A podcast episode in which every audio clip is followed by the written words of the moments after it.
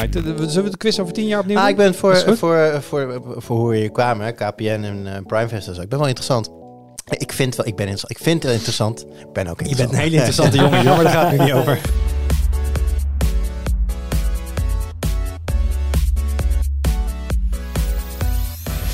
Hoi, leuk dat je luistert. Welkom bij een nieuwe aflevering van de Tweakers Podcast. Mijn naam is Wout en vandaag zit ik in de podcast met Heite Hugo, Hallo? met Juria Nubachs Hey, en met Arnoud Wokke. Hoi. Waar gaan we het over hebben? Hyperloop. Hyperloop. Hyper, En ik, hyper, ik zag dat we het over Hyperloop gingen hebben. Ik dacht, maar de Hyperloop is dood. Is hij dood, Heite? Mm, niet echt. Zit aan de beademing. Hij zit aan live support. En Heite heeft ja, eh, ja. gepraat met mensen die de slangetjes erin steken en proberen het leven erin te houden. Eh, in ieder geval mensen van TU Delft die er wel druk mee aan het klussen zijn. Ja, absoluut. Ehm, dus daar gaan we het zo over. Ik heb, ik heb in eh, die, eh, die tunnels, waar het ooit volgens mij het idee was dat er hyperloops in rondgingen in Vegas, waar nu gewoon Tesla's in rijden. Mhm. Eh, daar was ik het al wel ook over gehad met CES. Toen dacht ik, ja, hartstikke leuk dat de auto's doorheen rijden. Maar voor mij was het idee dat deze dingen Ja. vacuüm getrokken waren en dat er hele toffe pods doorheen gingen. Dus daar gaan we het zo over hebben. Maar natuurlijk, hebben we eerst de post. Eventjes kijken. We hadden het onderwerpje van ehm, de Vision Pro en of het wel of niet goed is voor je ogen en bijziendheid. En ik meende toen, iemand zei van, ehm, die, die claimde daar wat over. Zei, ja, maar dat komt gewoon uit de keynote van Apple. Dat was Apple ik. gewoon de bron. Ja. Dat zei jij inderdaad. Maar dat is niet zo.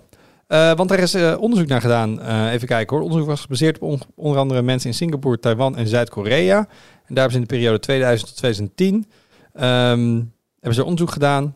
En dat was uiteindelijk gewoon waar het op gebaseerd was. En niet zozeer alleen omdat Apple het zegt. Dus het Yes. was wel iets beter onderbouwd dan, eh, dan dat. Fajo, dankjewel voor deze toevoeging, want eh, dat was inderdaad waardevol. Dat was gewoon eh, niet, niet correct van ons. En Orge Pronto, Mooi. die weet hier ook nog wat over te melden over het hele menselijke oog. Ik leer je van alles over het oog. Want we hadden het erover, ja, wat is nou de reden dan dat ehm, binnen, is het nou binnen zitten of is het nou schermen van dichtbij bekijken die niet goed Ja. zijn voor je ogen? Ehm, hij zegt er is veel onderzoek naar gedaan, dat is gefalsificeerd. Want de belangrijkste reden voor het doorgroeien van het oog is het gebrek aan hormonen dat wordt aangemaakt bij de lange blootstelling aan fel licht. In andere woorden, als kinderen minder buiten komen, wordt er niet genoeg hormonen aangemaakt en groeit de oogbal door met myopia tot gevolg. The more you know. Ja, inderdaad. Wordt, dus, eh, dus dus- het is een hormoon dat de groeiing stillegt. Ja. Afstopt, en dat is goed nieuws kennelijk. Ja. Ja. Nee, maar normaal gesproken zou je denken dat hormonen dat associëren wat er juist met groei en dit is tegen groei. Grappig. menselijk lichaam, jongen, echt. Blijft, eh, It's a wonder. blijft verbazen. Eh T. Hommerson zegt, Wout, hoe gaat het met Siri? De navigatie-app van Apple. Ik heb geen flauw idee, want die liggen in de kast. Hij heeft niet, Ja, tegen, nee, hij heeft niet tegen jou. Ga maar weer af. ja, jij was natuurlijk een, een paar weken op, eh, op iPhone en Apple Watch over. Ja, En eh, daar kwamen meerdere vragen over en dit was er één van. het is, eh, het is over en uit, het experiment. En, hoe, is eh, het, hoe, hoe kijk je erop terug? Ik, interessant. Leuk om een keer eh, gewoon even helemaal onder te dompelen. Misschien dat ik ook wel een keer een week in de boete ga werken of zo voor de gein. Ik heb het wel... Wel, ben je nu geen Apple-user meer? Nee, was tijdelijk, sowieso. Dat was de insteek. Ja, je- wordt een hoofd geschud. you're am disappoint. Ja, ik kan me niet voorstellen dat je, dat je overstapt en dan denkt van... Ah, nee, ik ga nu weer terug naar Android. Oh, zeker. En dit is echt een warm bad. Ehm, eh, vooral gewoon... En elke als dit ik zeg je tegen- alleen om je te irriteren. Nee, maar elke als ik tegen iemand met een iPhone zeg van... Ja, weet je, ik vond gewoon die navigatie niet consistent. En met dat swipen en met tik... Zeg, ja, dat is wel waar. Zeiden Hmm. alle. En ik denk, ja, nou, dat, dat was een van de dingen, hoor. Maar, wat, ik snap niet. Wat is niet consistent? Het swipen? Ja, je kan soms van links swipen om terug te gaan. ja, wat maar je soms, ja, ja, soms een Dat- button, soms... Ja, en ik ben super gewend aan mijn swipejes. En dat gaat zonder na te denken. Ja. Ik vind dat juist niet, lekker, niet altijd lekker werken op Android. Ik heb zelf een Galaxy S21 Fan Edition. En soms dan wilde ik eigenlijk terug in een app om, om naar een andere kolom te kunnen swipen of zo. Bijvoorbeeld Reddit. Dan kan je dus de home en de popular Ja. feeds kan je swipen. Maar dan denkt mijn telefoon soms, oh, hij wilde niet naar een andere kolom. Hij wilde terug. Ja, je swipet dan te veel van de rand en Ja. niet in het midden. Ja, Ja. Dat, dat, voor de minder ervaren swiper kan dat een probleem zijn inderdaad. En wat, ja. en wat ik helemaal vrees, ja, dit is e- echt een mij-probleem, want niemand anders aan tafel heeft dit. Maar in TikTok, als je dan filmpjes loopt te editen, moet je helemaal aan de rand van je scherm zijn. Om bijvoorbeeld een effect pas later naar binnen te krijgen in de video. En dat kan niet, want als je dan van links naar rechts veegt vanaf de rand, dan denkt hij altijd dat het terug is. Maar dat is echt slecht app design van TikTok. Want Zeker. elke Android-telefoon werkt met gestures tegenwoordig. Ik zou zeggen, verbieden die app. Ja, je kan het ook gewoon stoppen met gebruik. Maar die discussie hebben we al gehad. Ehm, dus, eh, nou, het is voorbij. Eh, en wat ik ook zei, eh, Apple Watch, dikke duim omhoog, iPhone. Ja, mooi ding. Hmm. Maar eh, ik ben niet eh, verleid. Dan hebben we nog Erwin Weber, die ook reageerde op jouw tijdelijke overstap. En die, eh, denk ik, je dan een hart onder de riem wil steken. Want die zei, voorheen had ik Android-smartphones en wat echt stressen als je moest betalen. Doet hij het of doet hij het niet? En met iPhone heeft hij daar geen last van. Dat werkt gewoon altijd. En daar heeft hij helemaal gelijk in, vind ik. Wat is jouw ervaring, Wout? Eh, dat ik niet zo goed snap waar hij het over heeft. Apple Pay? Nee, Apple- dat snap ik. Maar ehm, eh, kijk, op Android kun je op twee manieren betalen. Ligt aan welke bank je hebt. Of ze ondersteunen eh, Google Pay en dan gaat het Mhm. allemaal via Google. Of ze hebben een eigen app. Ja. Ehm, met dat laatste heb ik geen ervaring. Mhm. Eh, mijn Pixel ondersteunt Google Pay en dat is rock solid. Dat werkt gewoon. Maar ik weet niet of het misschien als je een ING hebt of iets anders, dat dat wisselvalliger is. Want jij zegt, ik- jij hebt daar ervaring mee. Ja, ik heb dat geprobeerd in de Rabo. Toen heette dat nog Rabo Wallet, denk ik. Oh ja, ja. En eh, dat werkte echt, nou ja, een deel van de tijd niet. En je wil gewoon dat het altijd werkt, want Nee, dat is super zuur als je dan bij de Ja. pinautomaat staat en dan... Eh. precies. Ik ben inmiddels zo ver dat ik ook wel boodschappen doe zonder dat ik mijn portemonnee bij me heb. Ja, ik blind uit van mijn, van mijn iPhone. En dat is wel grappig, want mijn vriendin die heeft ook een iPhone, maar die doet dat dus niet. Die heeft wel altijd gewoon ergens nog wel het pasje mee, zeg maar, voor de zekerheid. Maar die zekerheid, ik ervaar niet dat dat nodig is. Ik, ben nu, ik heb dat dus al, dat ik ehm portemonnee niet meeneem. En ik heb bijna zoveel vertrouwen in mijn Nuki Smart Lock dat ik ook zonder sleutel de deur uit hoef. Uit Oeh. durf. Ja, dus als je gewoon een telefoon bij je hebt, dan... eh, sterker nog, als ik alleen een smartwatch om zou hebben en mijn telefoon zelfs thuis laat... dan zou ik op zich moeten kunnen betalen en mijn huis in moeten kunnen komen. Nice. Moet Wat, niet, wat niet is jouw leeglopen. ervaring, Aite? Ik, ik heb altijd mijn portemonnee bij. En ik heb zeker geen smart lock of zo, dus ik heb altijd mijn portemonnee bij, ik heb altijd mijn sleutels bij. Ik Mhm. gebruik, ik, ik zie de toegevoegde waarde voor mij niet per se, als ik heel eerlijk moet zijn. Ik vind pinnen vind ik net zo makkelijk als mijn telefoon ergens tegenaan zetten. Ik, en inderdaad, wat je soms Lege zegt, moet je met je, broekzakken. met je Ja. app soms. En, Het is bijvoorbeeld wel, ehm, ik ga wel eens naar een concert. En het feit dat ik dus niet meer een betaalpasje ergens in een broekzak moet en dan dus in de gaten moet houden of die daar ook in blijft zitten. Want ik ga dan wel eens naar een concert waar mensen tegen elkaar aanspringen.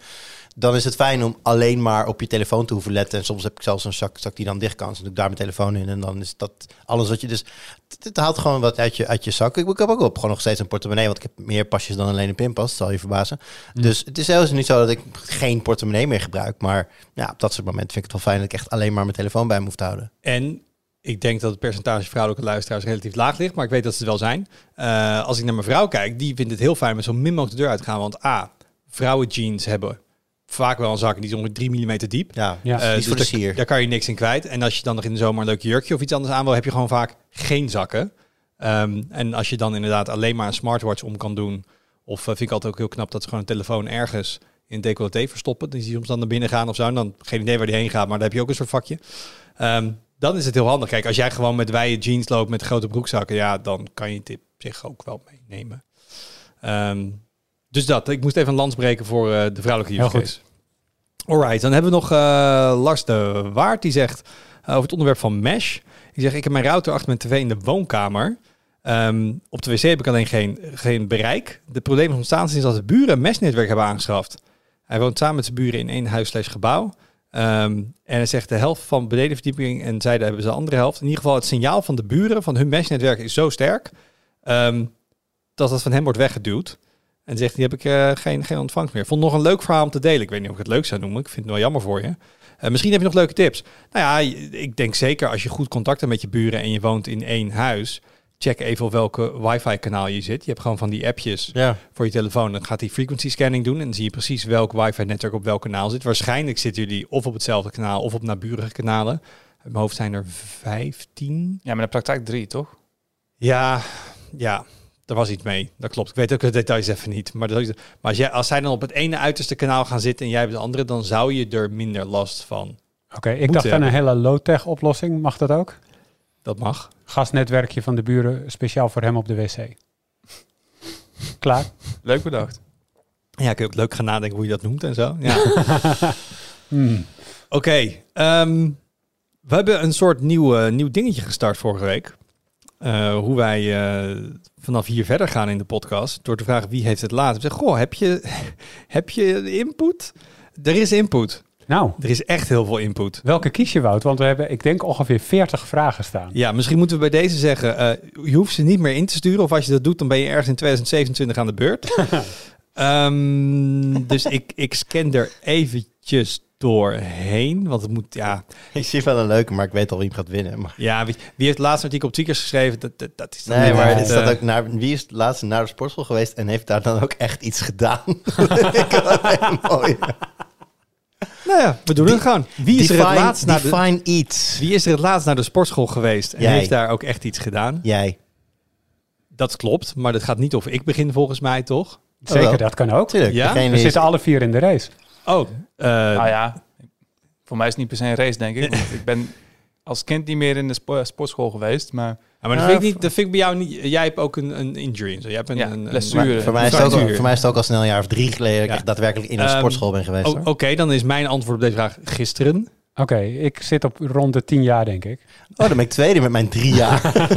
Mag ik dan als eerste mijn highlight doen? Zeker. Zeker. Wat? Dit is... dit is- Wow. Alles door de war. Ah, er zitten wel, zitten wel mooie dingen bij. Even, we hebben nog dingen als wie heeft het laatst gezwommen, wie heeft, wie heeft voor het laatst Windows 95 opgestart. Mhm. Ook wel leuk. Wie heeft, het langst al, wie heeft het langst al geen alcoholische drank gedronken? Die vind ik ook wel. Hmm.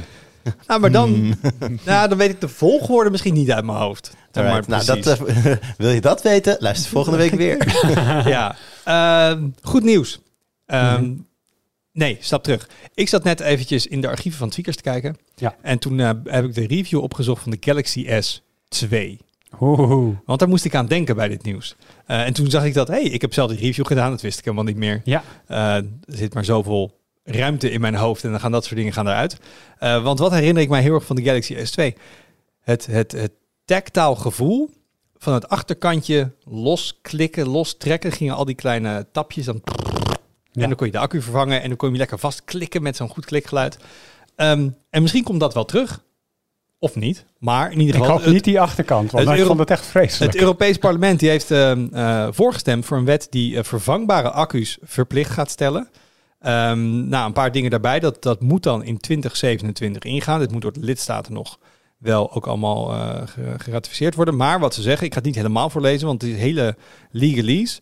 Eh, maar het komt er in ieder geval op neer dat als jij een product uitbrengt op de markt, eh, dan moet je ervoor zorgen dat batteries are readily removable and replaceable by the end user at any time during the lifetime of the product.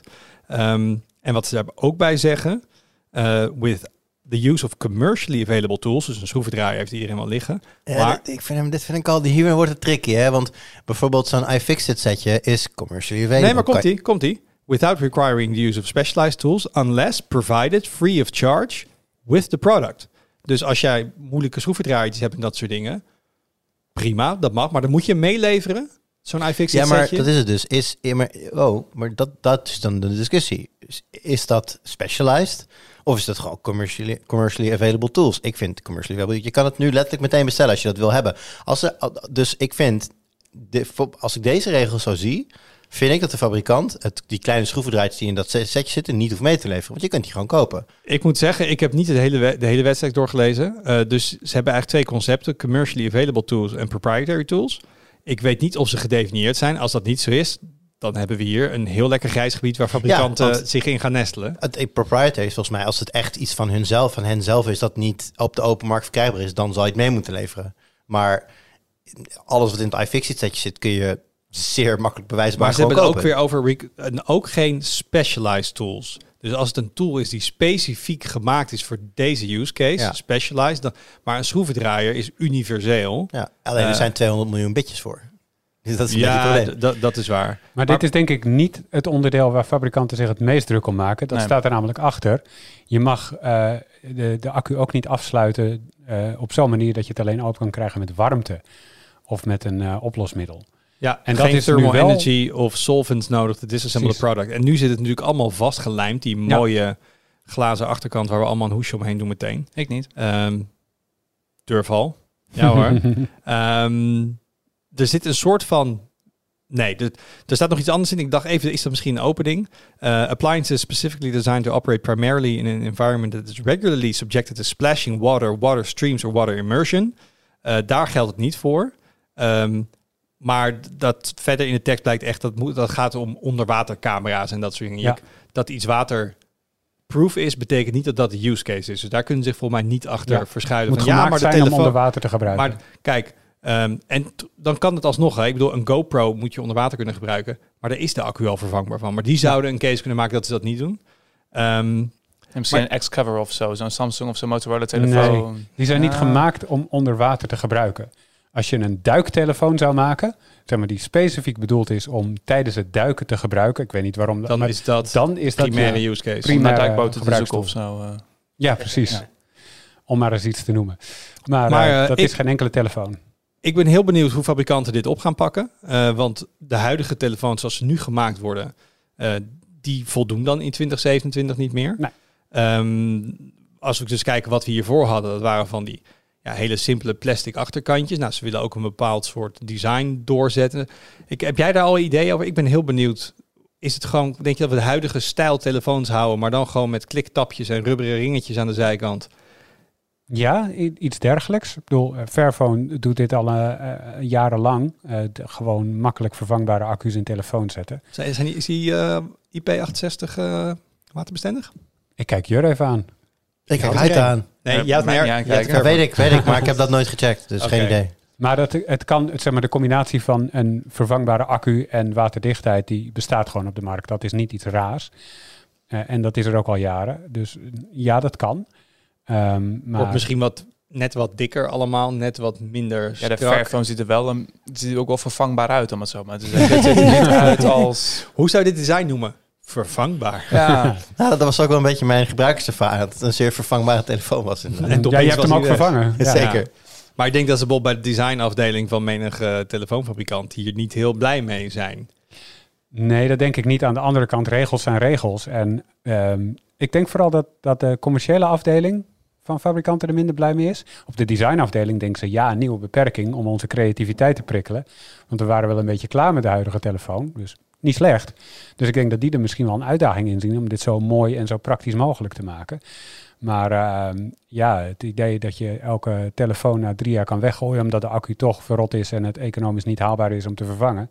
Dat idee gaat het raam uit op deze manier. Ja. En daar zijn ze denk ik niet zo blij mee. En in principe zou het voor de binnenkant van de telefoon niet veel uit moeten maken. Want als je eenmaal door de achterkant heen bent, Ja. zijn zelfs moderne accu's, vooral zo'n pull-tab hebben, dan Ja. het is niet alsof ze het hele PCB opnieuw moeten ontwerpen of iets anders. De accu's zijn al vervangbaar. De Ja. accu zelf. Het gaat meer om in de telefoon komen. Hangt er wel vanaf welke telefoon je hebt. Want als je een Samsung hebt, dan eh, eh, mag je stevig je best doen. Nee, ze zitten vastgelijnd, maar het- is een... Het is een los dingetje wat er ingelegd is bij Ja. productie. Dus je kan dat dingetje los eruit halen en een nieuw dingetje erin doen. Zeker. Ehm, is, er een, is er iemand die hier niet blij mee is? Want ik zie Nou het alleen maar als een goede ontwikkeling. hoeveel kost een accu? Een paar tientjes. Oh, oké, laat maar dan. Nee, want ik dacht als het echt 100, 100 euro is of zo. ja, dan. Nee, want ik had recent een Galaxy S9 Plus. Ehm, en ik heb die eigenlijk alleen maar vervangen omdat er een linkerbar zat in het scherm. Maar ook omdat de accu gewoon niet meer courant was. En als ik de accu had kunnen vervangen, misschien had ik hem dan nog steeds wel. Mhm. Dus ja. Je kon de accu gewoon vervangen. Ja, ja, maar ik wilde eigenlijk toch als ook het heel telefoon. makkelijk was Ja, met ja. ehm, commercially available tools Ja. eh, en dat soort dingen. Dus eh, ik, ik, ik, ik denk steeds vaker de laatste tijd, die go Europa met dit soort dingen. Ja, maar ik, ik- dan komt er wel terug op het eerste punt. Ik, ben, ik vind wel dat de manier waarop het dan exact moet en wat je dan wel en niet kan gebruiken, dat dat wel concreter gemaakt moet worden. Want de, de handelingen die nu, zeg maar, het, het, achterkantje eraf trekken en accu eruit pakken, is wel wat anders dan als je allerlei dingen los moet gaan halen, die ook weer net zo secuur vastgezet moeten gaan worden, omdat anders functionaliteiten in gevaar komen. De huidige, zeg maar, je, je zegt tegen Heite, je kunt, je kunt het vervangen. Ehm, je kunt eigenlijk alles vervangen in een, in een, in een smartphone. En Ja. nu, alleen nu hebben we daar geen regels om welke tools je daar nodig hebt, maar alles kan. En daar gaat de, de toolset vind ik nog niet genoeg. Ik, ik, ik moet het idee hebben dat ik die accu kan vervangen zonder dat ik daarbij de verdere gezondheid van mijn telefoon in gevaar breng. Zeg maar. Zeker. Ja. En dat, dat, is, dat mis ik een beetje hierin. Nou, dat is 100% de intentie van deze wetgeving. Maar de vraag is, is dat goed genoeg afgebakend? En Ja. krijg je nu fabrikanten die dan zeggen, ja, eh, je hebt geen specialized tools nodig. Maar je moet wel eerst het scherm eraf halen, dan het PCB weghalen. En daaronder hebben we ergens de accu Ja, gezet. dus dat soort dingen, daar moet je vanaf. Als er nog bovenop die accu iets ligt, wat je dan heel voorzichtig weg moet halen. En dan, als je de andere accu erin hebt stopt, er dan weer heel voorzichtig precies op dezelfde plek weer op moet stoppen. Dat is al te lastig. Dat Ja. moet je niet willen. Ja. En Nee. ik vraag me af, als je hem steeds open en dicht doet, open en dicht doet, of dat niet gevolgen gaat hebben voor de waterdichtheid. Op een gegeven moment. Ja, ligt, ligt nogmaals, ligt uit hoe je het designt. Een GoPro Ja. eh, is zeker waterdicht en die is gemaakt om heel vaak het accu'tje te wisselen.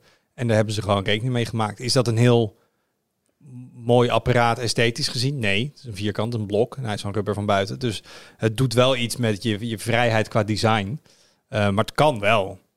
Alleen de vraag is, ja... eh, Ja, maar ze hebben vrijheid ge- gehad qua design jarenlang. En waar zijn we op uitgekomen? Dichtgelijmde blokken in onze broekzak waar iedereen hoesjes omheen doet, omdat ze te kwetsbaar zijn.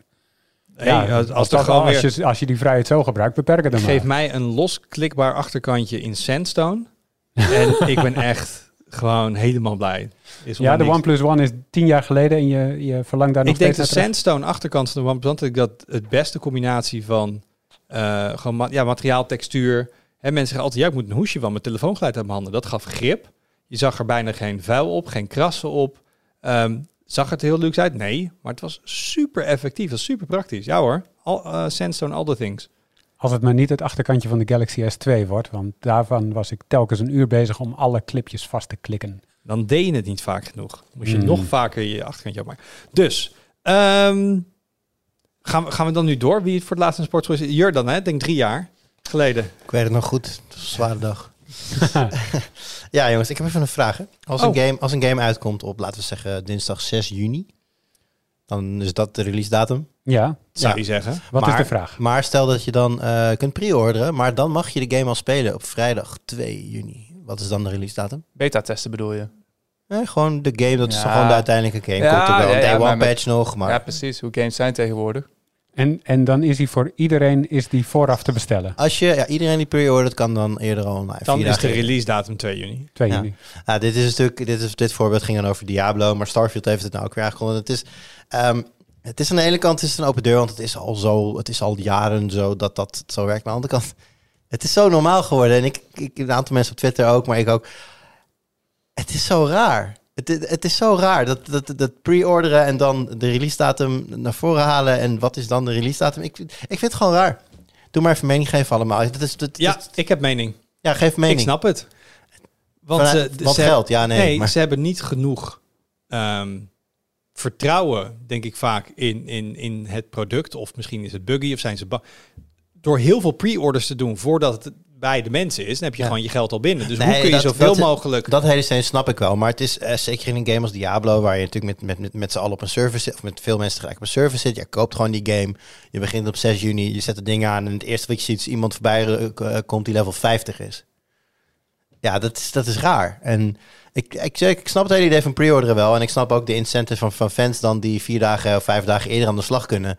Maar het, het, het, het, het, het- het- het- de ouderwetse release datum van Game X komt op dag I uit is nee, ja. dat... dat en, uitgestorven. en misschien bijna. heb je hem wel al een paar maanden in Early Access gespeeld daarvoor. En wat betekent Ja. dat dan voor wat een release is? Dat ben ik wel met je eens. Maar ik snap het. Ik denk als jij een diehard Diablo-fan bent, vind jij het alleen maar leuk dat door een beetje geld neer te leggen, dat jij exclusief kan zeggen, ik speel hem al, speel jij Ja. al, ik ben al level 50, jij moet nog beginnen. Ja. Dat een beetje die haves, have-nots, dat kan ook Nou ja, ik, zijn. zit zeg maar voor, voor de toekomst ook wel te kijken van wij, wij, wij, wij, melden vaak eh, in onze content, nieuwsberichten, eh, previews, melden wij eh, release data van games. Eh, de Assassin's Creed komt dan en dan uit. Ik zit serieus af te vragen of we niet gewoon die early access da- data moeten gaan aanhouden. Dat Nou, dat, of- dat, of- dat, dat of- de daadwerkelijke release datum is. Of beide, pre-order. mensen nee, want dan ben, je, dan ben je reclame aan het maken voor. Dan dan ben je eigenlijk specifiek reclame aan het maken voor die pre-order versie. Zoals we zeggen, dat is de dag dat je hem kan spelen. Alleen ja, dan moet je ook weer uitleggen dat je hem dan wel gepre-order moet hebben. Ik, vind het lastig. Ja, nee, ik vind dat wel gewoon complete informatie. Je zegt, mensen die hem pre-orderen, spelen hem vanaf 2 juni. En de rest van de wereld, dan komt hij om 6 En juni welke uit. datum zou als release datum dan in de price wars moeten staan? Waar, waar je er één moet kiezen. Ja, 6 ik snap, je, ik snap je En punt. 6 juni. Ja, Ja. Dat lijkt me duidelijk. Ja, Want eh, zeg maar, een release datum veronderstelt dat je...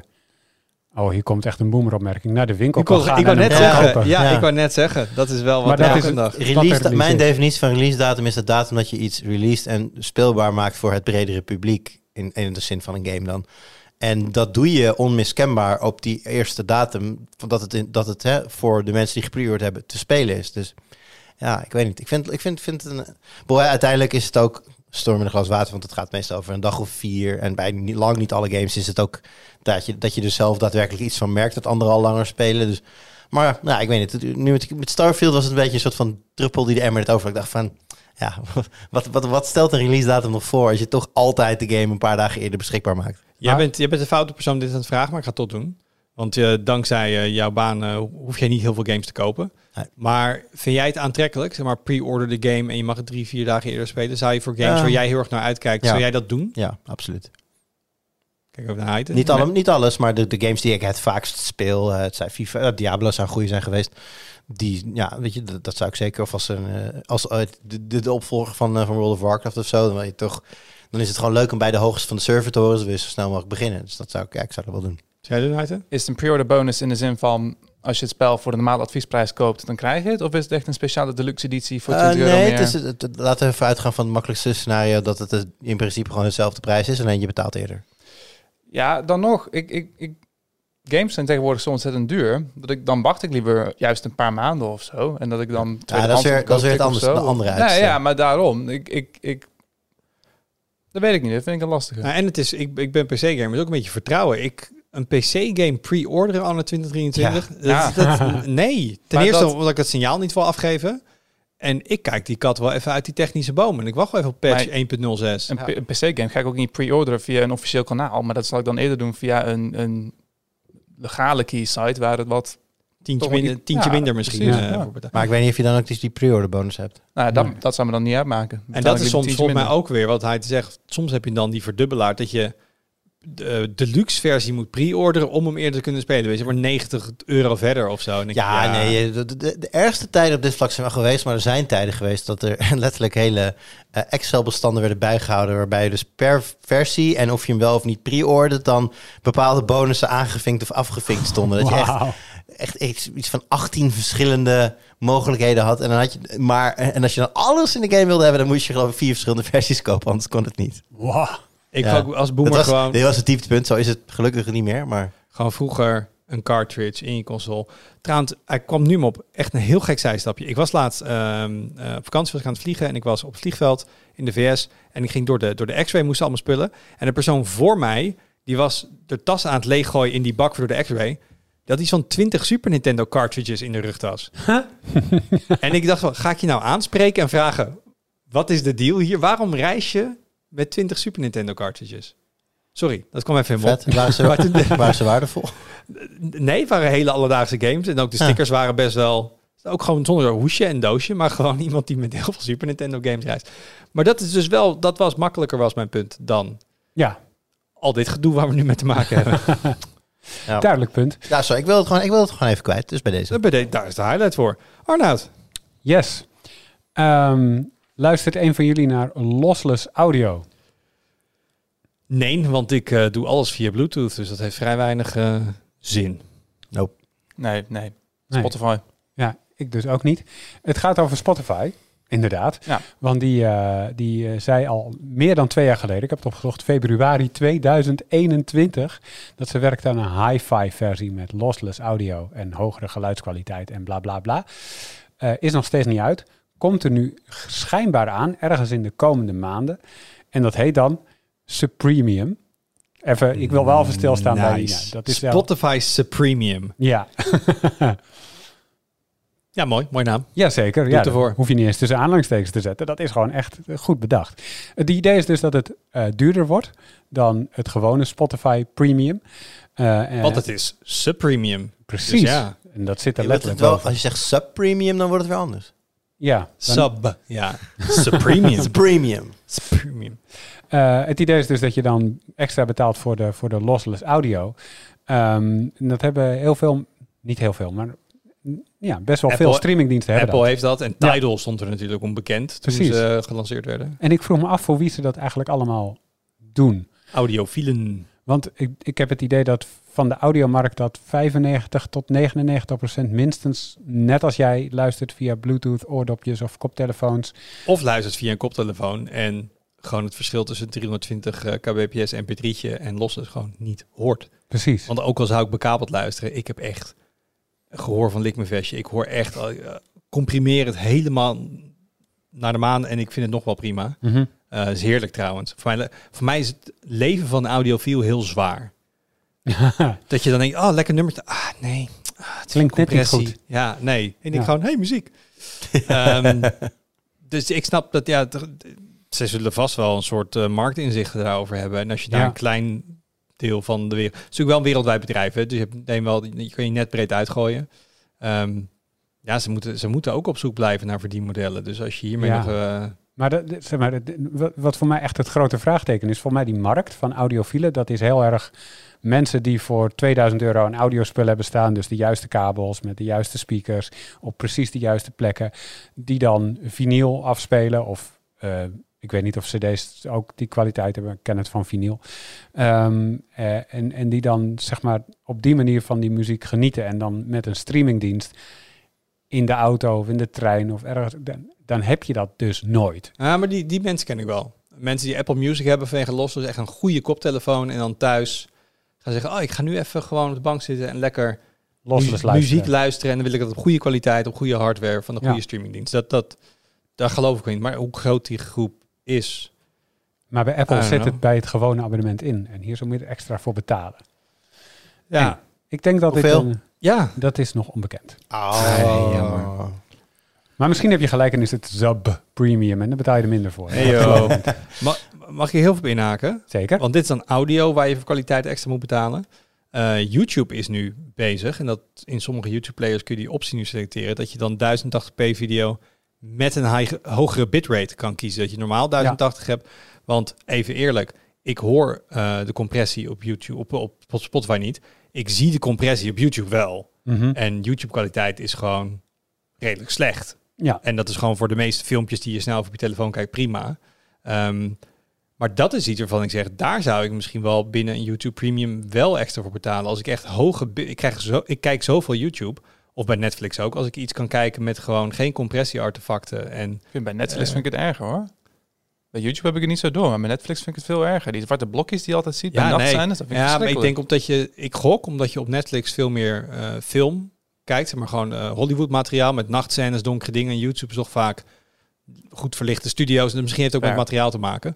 Ehm, maar daar zie ik veel meer in. Maar Hoe, eh, is dat hoe voor jullie net zo populair? Hoe brengen ze dat in? Die, eh, is dat onderdeel, wordt het onderdeel van premium of wordt het weer Ja. bo- geld bovenop premium? Voor mij is het nu onderdeel van Premium dat je gewoon in de kwaliteitsselector een extra optietje Oh, hebt met sorry. 1080p high bitrate. 1080p premium heet het zelfs. Ja. Oké, Ja, nee, want Ja. ik was al premium, maar ik, eh, hoe zeg je dat? Premium member bij YouTube, maar ik, ik heb, heb niet zin om nog meer geld eraan te geven. Nee. Ik zou zelfs 4K Premium willen. Huppakee, gooi er maar op. Maar daar ben ik dus... Nou, ik weet hoe zit het met jou Arna? Dat zou ik dus interessanter vinden dan audio. Ja, ik heb er ook bij beeld weinig last van. Heerlijk. Ja, ja zo Dat, rustig heb ik, is dat dat. heb ik dus niet.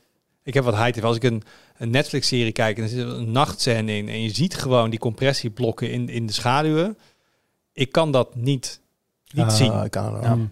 Het is, een, het is een instelling. Ik bedoel, op het moment dat ik inderdaad bij een streamingdienst waar ik geld voor betaal of, of wat, wat dan ook, maar als ik andere alternatieve manieren aan mijn bronmateriaal ben gekomen, kan ik prima een 720p filmpje kijken hoor. Ja. Nee, maar het is meer, het is niet dat ik me constant eraan erger. Maar eerst onbewust denk ik, hey, wat, macroborg. Oké, niet te veel opletten terug naar het verhaal. Maar het is, ik, ik vang het eerst op en dan moet ik mezelf corrigeren, zeg maar. Is dit het moment dat ik zeg dat ik liefst alles kijk in 480p?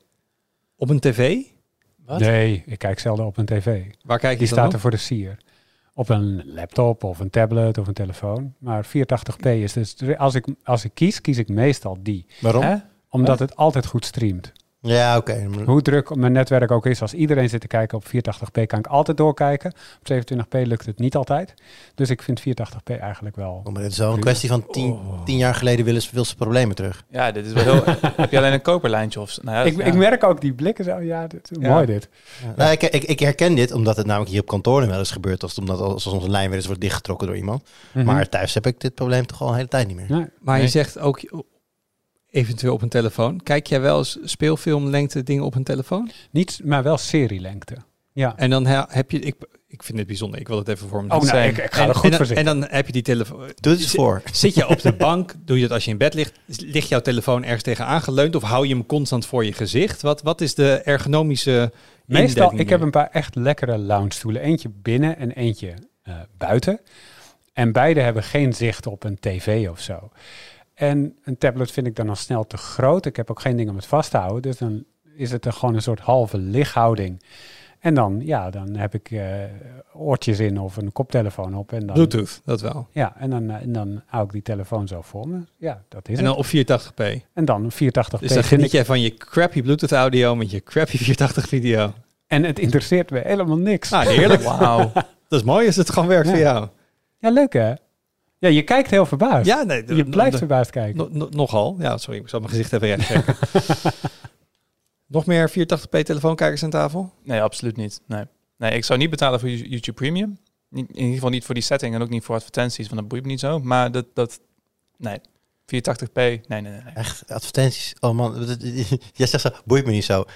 Ik gebruik af en toe een ander eh, account, bijvoorbeeld die aan, eh, waar we- eh, onze zaak, we hebben natuurlijk niet allemaal YouTube Premium van de zaak, dus mijn zakelijke account heeft dat niet.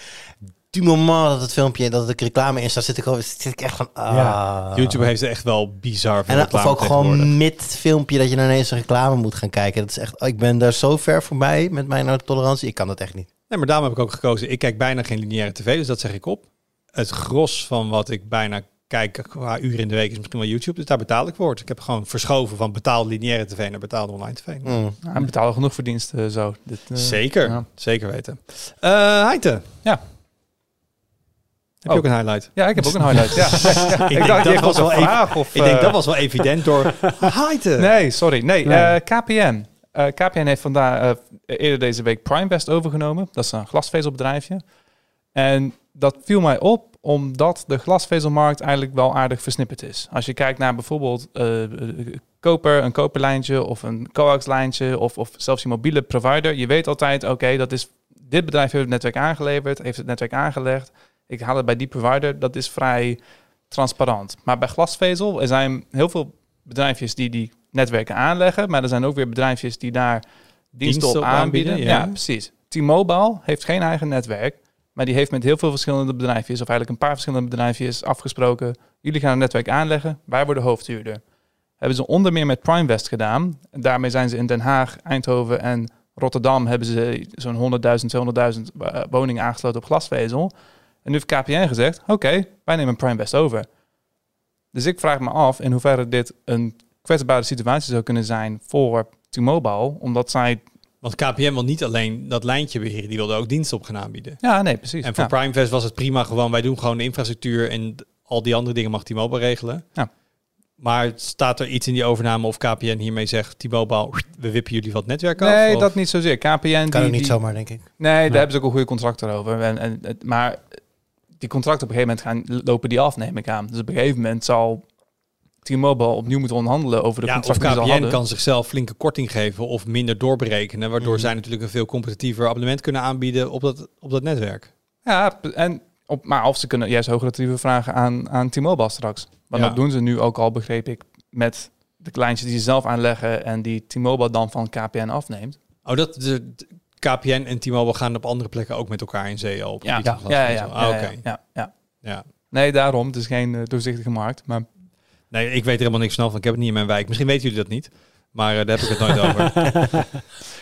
Nee, maar ik heb ook in, in aanleiding daarop eigenlijk heb ik een quiz voorbereid. Een klein quiz. Ik heb twee, ik heb twee vragen. Het lijkt alsof Reinoud aan tafel zit. Dan krijgen we ook altijd de quiz. Ja? Oh. Ja, oh, dat wist ik niet. Ja, Oké, komt nou ja. Ehm, want ik wilde kijken naar hoeveel mensen hebben dan eigenlijk zo'n gebruiken, zo'n glasvezel aansluiting voor de echte snellere internetsnelheden. Dus, Maar volgens- het- voordat we gaan quizzen, wat kunnen we Mhm. winnen?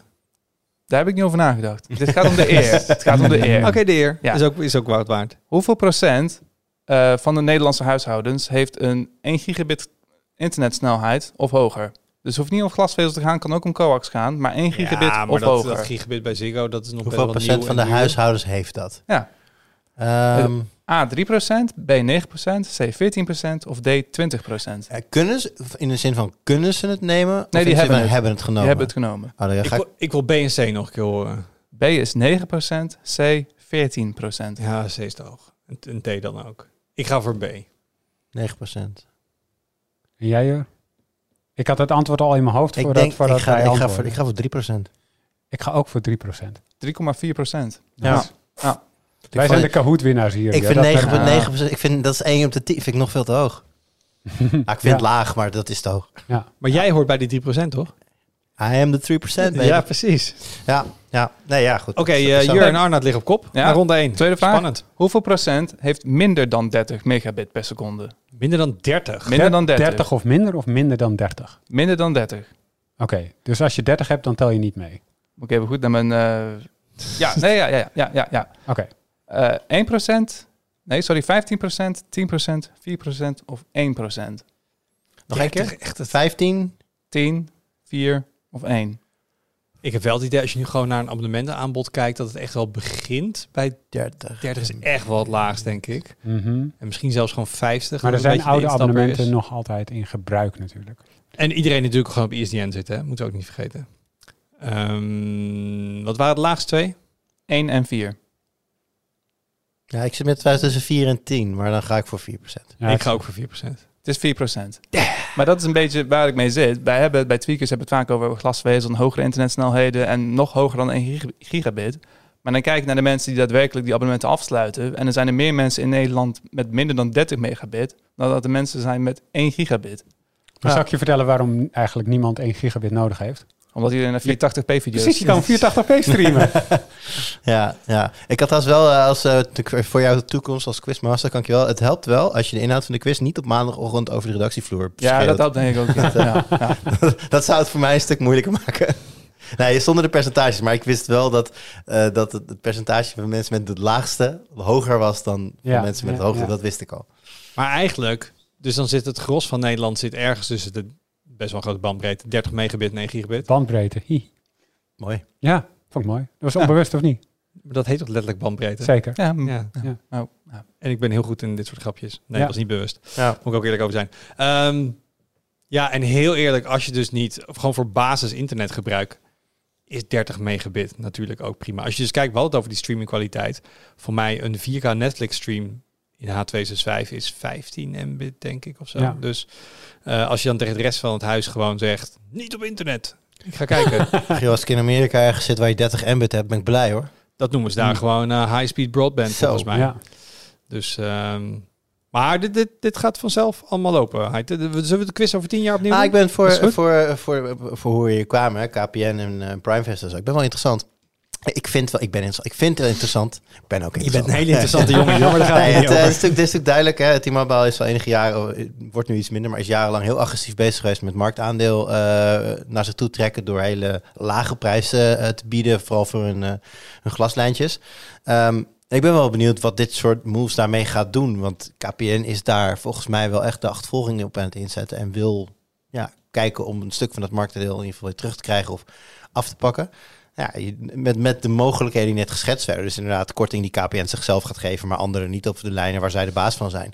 Ik ben wel heel benieuwd hoe dat, eh, hoe dat in, de toekomst verder gaat. Best, en, en dat zou voor de consument op zich best wel positief kunnen uitpakken. Want ja, prijzenoorlog is toch vaak wel in Ja, het maar het voordeel kan- van, de, het- van de het eindgebruiker. kan denk ik ook niet compleet een race to the bottom worden, want er moet ook nog heel veel aangelegd worden in Nederland. Dus ze hebben Ja. ook gewoon nog kapitaal nodig om al dat netwerk aan te leggen, wat je later weer terug moet verdienen. Dus op een gegeven moment, je moet marge houden en je moet gewoon blijven investeren. Dus ergens zit daar een balans in.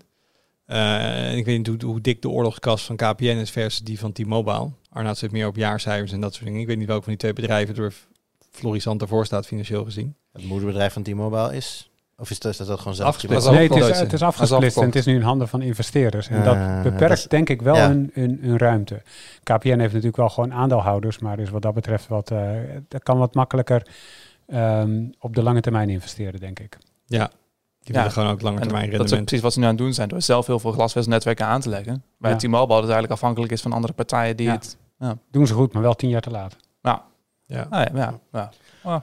Wordt ongetwijfeld vervolgd. Wat heb jij, Heid? Ik weet dat jij glas hebt hier. Ik weet dat Arnoud glas heeft. Mhm. Nou, ik was een paar weken geleden, zag ik mensen van KPN in mijn straat die, die aan het graven waren. Dus eind dit jaar heb ik hopelijk glas. Maar op dit moment zit ik nog een koper. Maar ga je over op glas? Hangt er een beetje vanaf wat je T-Mobile koper, je, je, mij... hebt, je hebt ADSL. Ja. Wow. Koper, ja.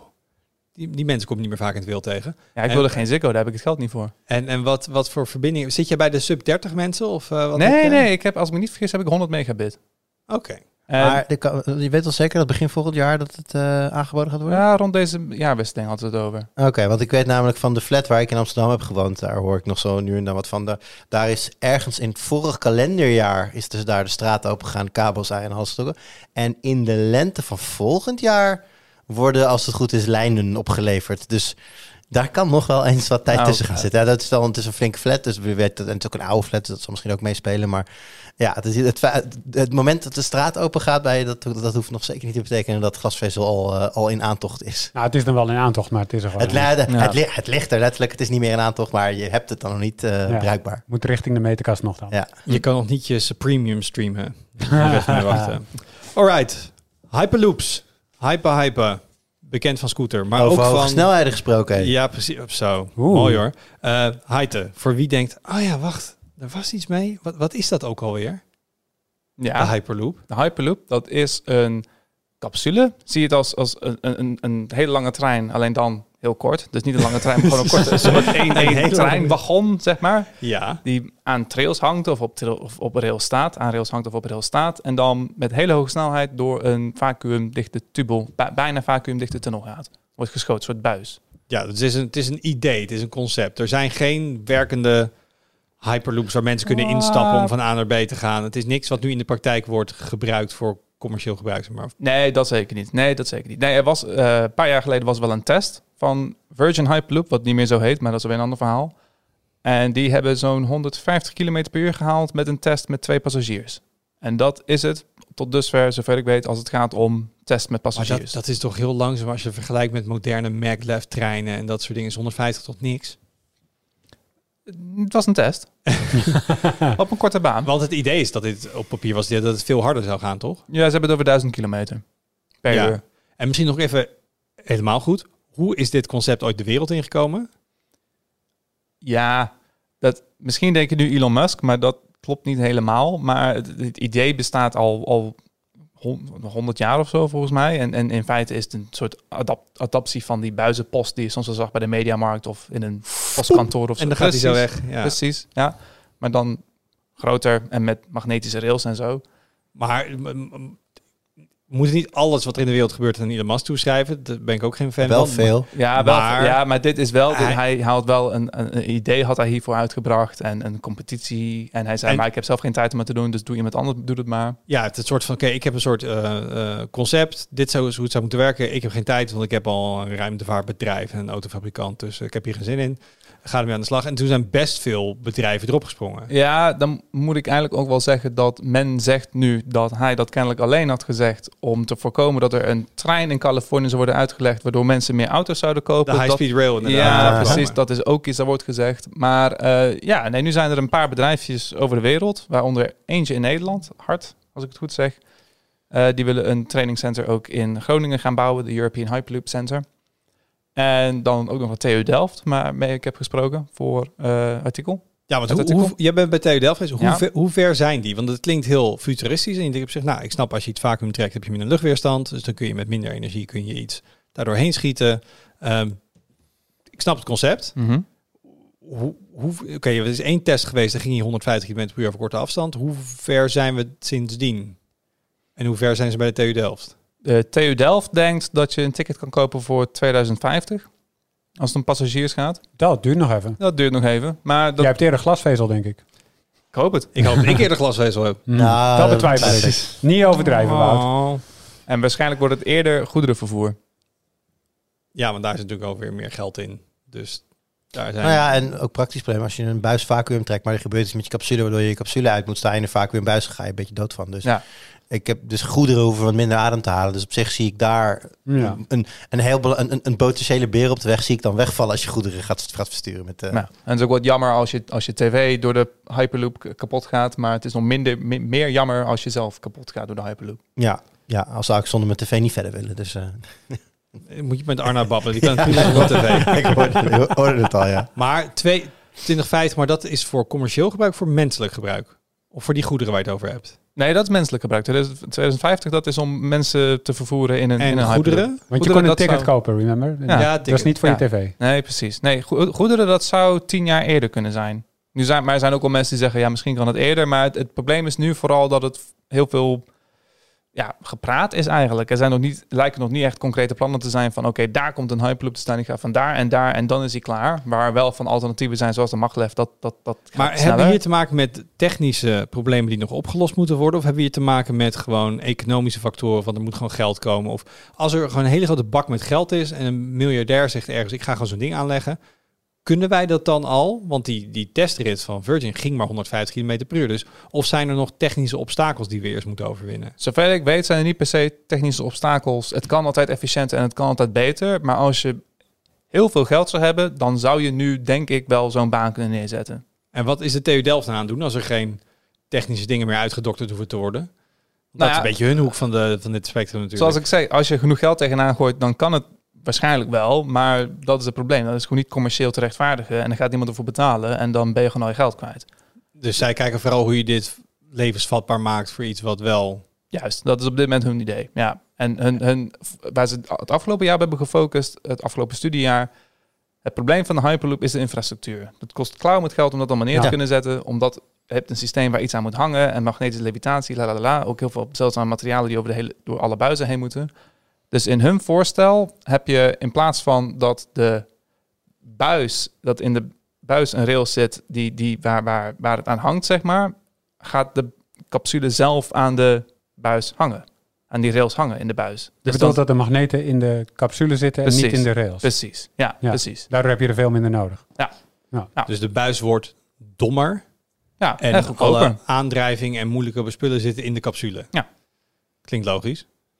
Tot op zekere hoogte. Maar het probleem daarvan is weer dat je dan ook heel veel, dat is ook meer energieopslag in de capsule zelf moet hebben. En dat je ook op de een of andere manier warmte moet zien af te voeren. Dus dat is ook waar ze Ja, nu maar je hebben zit natuurlijk gekeken. in een vacuüm. En een vacuüm Ja. is niet heel erg goed in warmte verplaatsen. Je auto wordt ook heel erg warm, maar die heeft gewoon ventilatoren en radiatoren. En dat is allemaal geen probleem. En hoe fixen ze dat dan? Eh paraffine. Dat is een wasachtig materiaal. En het idee is dat dat materiaal dan smelt. Zie je het als een soort ijsblokje dat, dat smelt. En, en daar wordt dan warmte in opgenomen.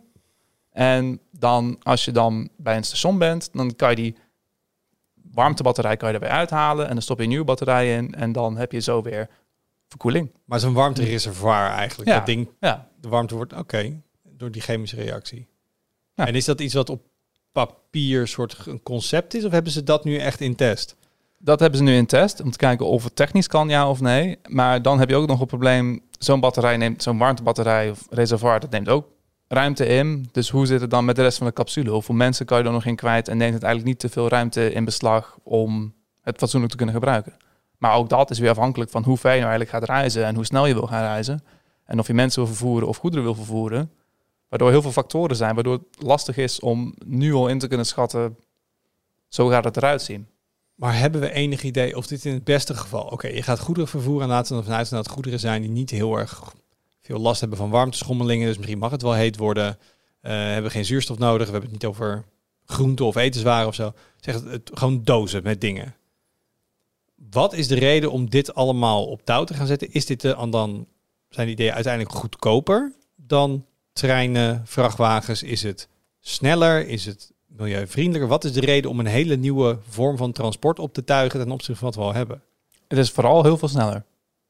Als je het hebt over een, een, een, een eh, ja, de Hyperloop zou tot 1000 km per uur moeten kunnen halen. Als je kijkt naar een maglev terrein, dan zit je al snel aan de 500 km per uur. Een vrachtwagen gaat nog iets minder hard dan dat, zoals je weet.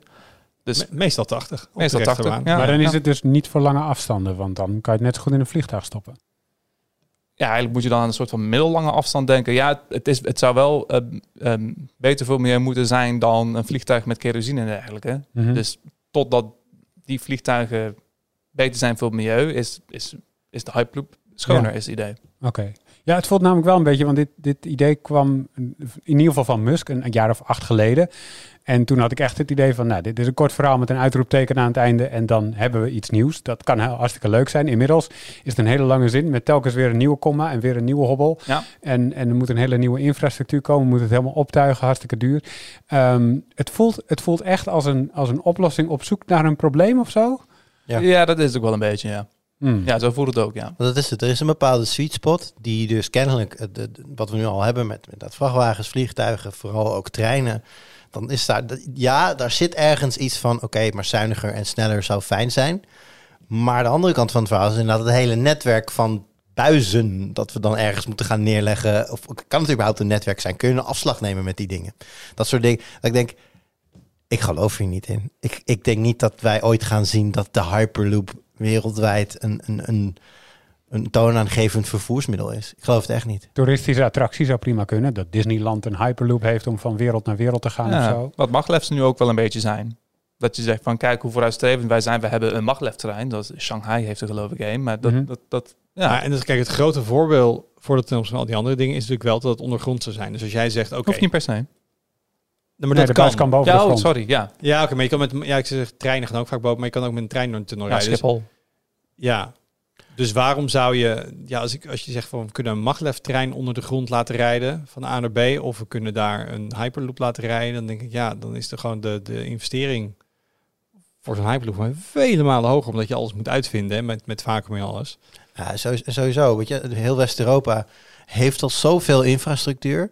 Dat ik denk van ja, hoeveel gaat dit dan? Hè, moet je dus ga, maar, ga maar vinden waar je überhaupt zo'n ding kan aanleggen onder de grond. Zelfs onder de grond is het gewoon druk in, eh, in, in West-Europa. Kijk, als je bijvoorbeeld gaat kijken naar, eh, naar Amerika, dan heb je gewoon hele staten die voor de helft uit woestijn bestaan. Als je zegt van nou ja, we, we, leggen een verbinding aan tussen Phoenix en Las Vegas, noem maar wat. Daar zit redelijk veel leeg tussen.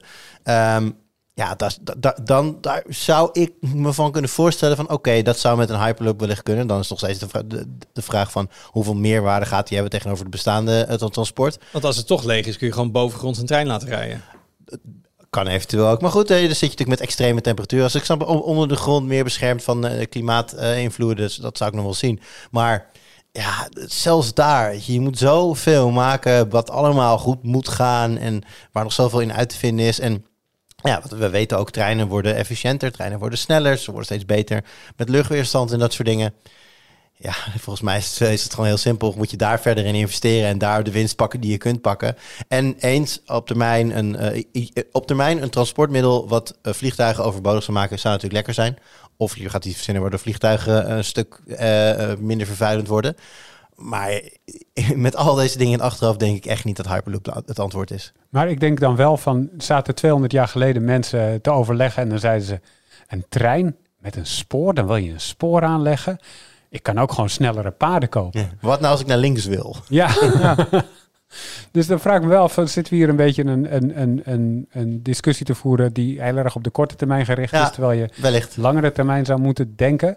Missen we iets? Nee maar, dat, nee, maar zo voelt het soms wel dat, dat er vroeger makkelijker over zulke dingen werd, werd gedacht. We leggen gewoon een spoorlijn aan. En Maar toen Ja. kon dat ook, want er lag niks. ja. er was geen alternatief. Als je Dat- nu, stel, ja. stel je zegt van nou oké, we, willen, we willen niet meer vliegen in West-Europa, maar we vinden de trein te langzaam. We gaan tussen alle grote hubs, eh, weet je wel, Frankfurt, Schiphol, Parijs, eh, gaan we Hyperloops aanleggen. Waar laat je al die dingen? Wie, en uh, überhaupt de graafwerkzaamheden. We hebben hier in Amsterdam geprobeerd een tunnel te graven. Nou, dat was al één grote ramp en die is niet eens zo heel erg lang. Nou ja, en als het vooral het voordeel is dat het milieuvriendelijker is en sneller, dan kun je ook zeggen, we gooien al onze R&D en geld gooien we in het kerosine vrijmaken van vliegtuigen, elektrische vliegtuigen, waterstofvliegtuigen. Want vliegvelden bestaan al. Vanaf een vliegveld dingen uitladen en dan je, je hele logistiek in krijgen, dat hebben we al helemaal op orde. Dus Ja. als je zegt, wij willen met 1000 km per uur ergens heen zonder CO2 uit te stoten, is dan je antwoord, dan moeten we een Hyperloop bouwen of dan moeten we vliegtuigen klimaatneutraal krijgen. Dat lijkt, ik ben geen expert op dit vlak, Hmm. maar met mijn domme boeren gezonde verstand denk ik dat dat laatste dan...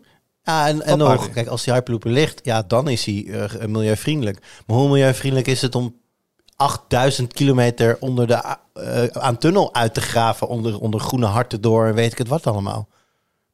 Ja, ik, voor de duidelijkheid, daar heb ik het antwoord ook niet op. Misschien kan dat wel heel, heel efficiënt en heel milieuvriendelijk. Maar ja, dat moet nog wel allemaal wel even gaan gebeuren dan. Maar op zich, eh, eh, in Delft werken ze hier aan, dus daar hebben ze wel geloof hierin dat het in ieder geval interessant Ja. is om te onderzoeken. Absoluut. Jij hebt ook andere partijen gesproken. Wa- Wat is een beetje de consensus in breder Hyperloop-wereld of, of in de wetenschappelijke wereld?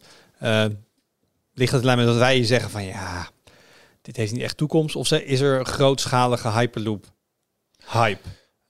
Nou ja, de bedrijven die je...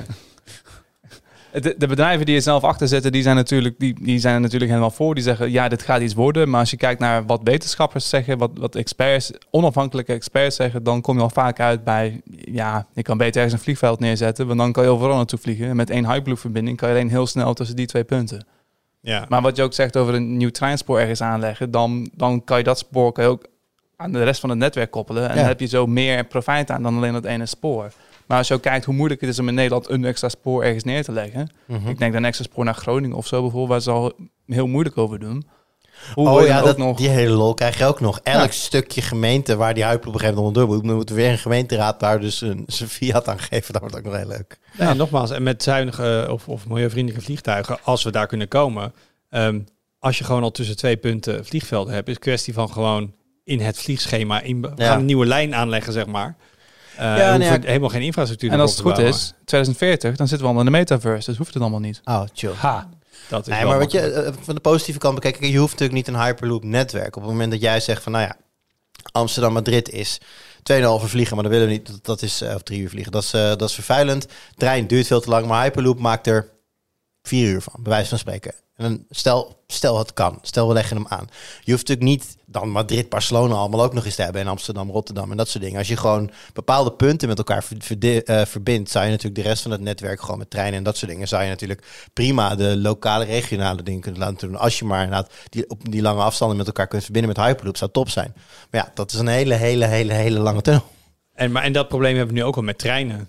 Eh, je kan natuurlijk vanaf Nederland naar een aantal grote steden komen met de treinen rechtstreeks, maar dat houdt ook ergens op. Ja. Ehm, Ik wil, ik wil nog wel even deze vraag stellen. Want ehm, stel je voor, we, dit is ook een Musk-idee trouwens. We koloniseren Mars. En we willen daar eh, eh, openbaar vervoer bouwen. Kiezen we dan voor een trein of voor een hyperloop? Nou, gelukkig zit je hier met de mensen aan tafel die hier echt heel goed een, een wel onderbouwd antwoord voor kunnen geven. Weet ik veel. Hmm. Waarom zou je daar in verschillende steden hebben? Ja, ik heb geen idee. Maar stel je voor dat, dat, dat het nodig is om daar iets nieuws te beginnen. Ik wil een beetje... Ja, oké. ik ja, zou dus- kunnen zeggen, stel ja, je voor, dit is tegelijkertijd uitgevonden met de trein. Een blank page. Hoeveel, ja. hoeveel luchtweerstand is er überhaupt op het oppervlak bij Mars? weet ik niet. Kan je niet, als een stel, stel even dat je de normale trein die we hebben, daar zou ik laten rijden, rijden die niet sowieso al veel makkelijker als de luchtweerstand veel lager is? Dat zou kunnen. Ik weet niet of Mars weer meer te maken heeft met eh meteorietinslagen. Ik kan me voorstellen dat op een andere planeet dat het veilig is om zoveel mogelijk ondergronds te bouwen. Eh, eh, straling. beperking. Dat Oh, je ja. ook gewoon de, de, de rotslaag van de, dus door. Maar in de meeste sci-fi die ik lees, gaan ze best vaak ondergronds op andere planeten. In Hmm. plaats dat ze bovengronds blijven. En dat wordt dan vaak inderdaad ook qua veiligheid, qua inslagen en, en ra- radiation shielding. Dus, ehm, maar dat is gebaseerd op complete fictie, letterlijk. Hmm. Maar dat is best wat we hebben. Toch? Ja, op, Ja. Dit moment, eh, op dit moment wel. Ja. Oké. Nou, tot zover de Hyperloop voor nu. Gaan we nog even kijken naar wat er op de site verschijnt. Arnoud, voor mij ging er weer een jaarlijkse timer in jouw agenda af. Ehm, nou, het was meer, er- was, er- was even ruimte in de agenda van Tweakers en in mijn agenda om dit te doen. En eh, ik weet dat mensen hierop zitten te wachten. Steeds minder mensen trouwens.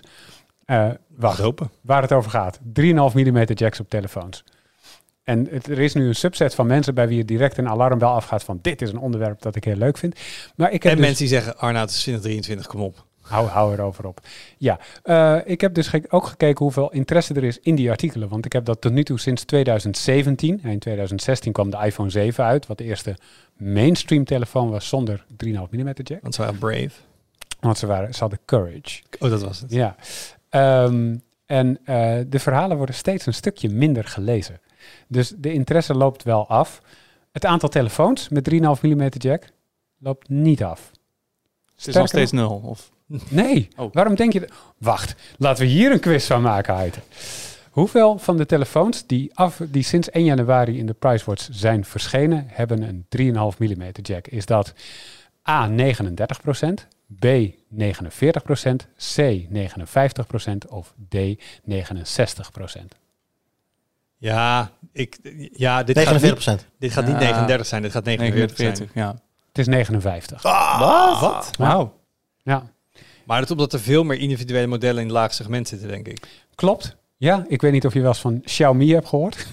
Wel eens. Die hebben dan een Redmi Note-telefoon en daar hebben ze vier versies van, of zeven. En dat tikt natuurlijk wel aan. En dan komt Samsung en die heeft dan één A54 daar tegenover staan, of een A34. Dus dat, dat, dat, dat vertekent misschien iets. Maar er zijn inderdaad heel veel goedkope modellen telefoons en relatief weinig dure. En op die dure, daar zit hij inderdaad wel minder. Daar is het onder de 30%. Maar eh, ook nog altijd wel aanwezig. Ja? Ja, Sony doet het nog. Eh, die, al die gaming-telefoons van bijvoorbeeld Asus en zo, die, die hebben ook nog een 3,5 mm jack. Eh, ik zeg nog, maar die hebben ze gewoon al jarenlang en er verandert niks. Dus ja, dit, dit blijft een ding. Maar Voor meer kijkt- details. Maar als je kijkt naar de mensen die, tele die die telefoons kopen, Dat kan ik niet, want we hebben Ja. geen eh, manier om dat vanuit de PriceWatch te meten. Dus dat heb ik niet gedaan. Maar je kan je voorstellen dat, dat, eh, dat die verhouding anders ligt, omdat Apple en Samsung voor een Ja. Apple helemaal en Samsung. Willen jullie hier gelijk even een podcast over nemen? Ja, dan gaan sorry, wij gewoon ja. even wat anders Ja, doen. nee. ja, laten we nog even een uurtje doorgaan uit. Interessant. Eh, hier, je hebt een videootje opgenomen vandaag. Ja, ja, Formule 1. Hè. Zijn Formule 1 game is weer uit. En eh, die komt, eh, de review daarvan komt vrijdag online. Met erin, we hebben net eventjes naar de beelden zitten kijken van... Viva Las Vegas. Viva ja, Las ja, Vegas. Ja, die, die- hij zit, eh, de, de race is natuurlijk nog nooit verreden. Dus eh, het is een hele nieuwe track. En als je hem alvast wil, wil zien, dan kun je hem dus spelen. Ik denk, dat hij ook wel, ik denk dat Luc hem ook wel in de video stopt. Dus daar zal hij ook wel voorbij Dat, komen. dat vind ik altijd wel bijzonder. Dat ze dan als gameontwikkelaar wel de hele tracker moeten bouwen. Ook een soort AI moeten programmeren op hoe die dat moet rijden. Je gaat dus rondetijden krijgen. Ja. En dan gaan we daar pas een race krijgen en zien of het ergens op slaat. Ja. Ja, ik- sterker nog, ik, denk- ik ben, je weet zeker dat de, alle coureurs dit in hun simulator ook wel eh, alvast gaan, eh, gaan bekijken en uitproberen. En, eh, en een beetje wegwijs worden op die, je op de bedoelt dat, dat ze in Las Vegas moeten gokken hoe hard de coureurs gaan? Ah. Ja, Ah. zeker weten. Maar dat, en eh, wat misschien ook wel voor leuk voor jou is, Wout, want jij bent Oh. natuurlijk ook wel Formule 1 fan. Er zitten ook een aantal circuits in die helemaal niet op de kalender staan dit jaar. Te weten Paul Ricard, China en volgens mij staat Portugal dit jaar ook niet op. Die zit ook gewoon in de game. Dus dat is, eh, ja, ik denk dat ze gewoon letterlijk die dingen hadden liggen en dacht van... Waarom je er niet in stoppen inderdaad? Kunnen, kunnen ze er gewoon in stoppen. Dus, maar review dus vrijdag. Goed zo, want China is de enige baan waarop ik andere mensen kan verslaan. Dus dat vind ik alleen maar mooi. Eh, verder werd collega Friso heel druk aan een monitor BBG. Dus ehm, zit je nog eh, op de positie dat je denkt... Hey, ik moet eigenlijk wel een nieuw schermpje hebben. Wacht even, hold your horses. Eh, daar gaat Friso je over adviseren. Eh, en we hebben een Mac Studio binnen, een nieuwe M2-versie van de Mac Studio. Ehm, met dus ook dan de... Ik weet niet of dan de Ultra, de, de aller, allernieuwste M2-chip, zeg maar. Dat is Ja, er ik zijn twee versies van de Mac Studio. Dus, Max, denk ik, en de Ultra. ja. Ik weet even niet. Eén van die twee. Maar in ieder geval, dat is die uit de kluit gewassen Mac Mini. mhm. Twee op elkaar gestapeld, waar ongeveer evenveel rekenkrachten zitten als in een gigantische toren. Ja. Ehm, dus dat is altijd interessant. Dus dat kan je binnenkort op de site lezen. Dankjewel. Dit was de Tweakers podcast voor deze week. Heb je feedback? Heb je post? Ehm, heb je een hele leuke manier waarop we kunnen bepalen wie er mag beginnen? Je mag hem insturen, maar ik doe geen beloftes over wanneer we al deze dingen gebruikt kunnen hebben. Ehm, maar je kan altijd een mailtje sturen op podcast.tweakers.net of een reactie achterlaten op YouTube of op de site. En je hoort ons weer volgende week. Doei. Doei.